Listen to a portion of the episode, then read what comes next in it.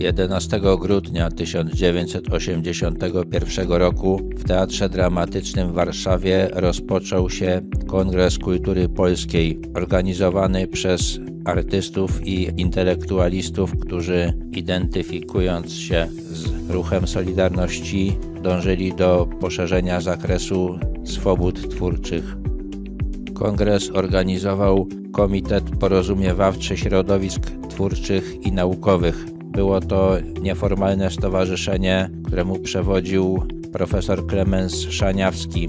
Władze traktowały to stowarzyszenie jako nielegalne, ale nie przeszkadzały w prowadzeniu jego działalności.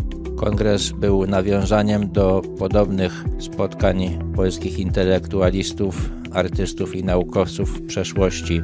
Zebrani na tym kongresie dyskutowali m.in. o ograniczeniu wpływu komunistycznej cenzury, przywróceniu kulturze polskiej twórczości Polaków przebywających na emigracji. Kilku twórców emigracyjnych przyjęło zaproszenie i przyjechało wtedy do Warszawy, a także o stanie polskiej oświaty. Podejmowano też próby rozliczenia się z przeszłością. Andrzej Wajda powiedział wtedy: Przecież to nierobotnik napisał kantatę o Stalinie i nierobotnik zrobił do niej muzykę. Nierobotnik wymyślił pałac kultury i nierobotnik sfałszował encyklopedię. Komunistyczne władze ze szczególną niechęcią przyjęły referat Andrzeja Brauna o realizmie socjalistycznym i jego niszczącym wpływie na kulturę polską.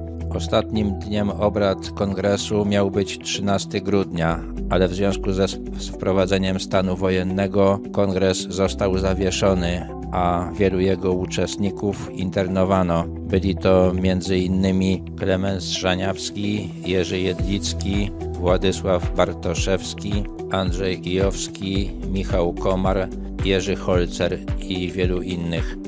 Obrad już nie dokończono.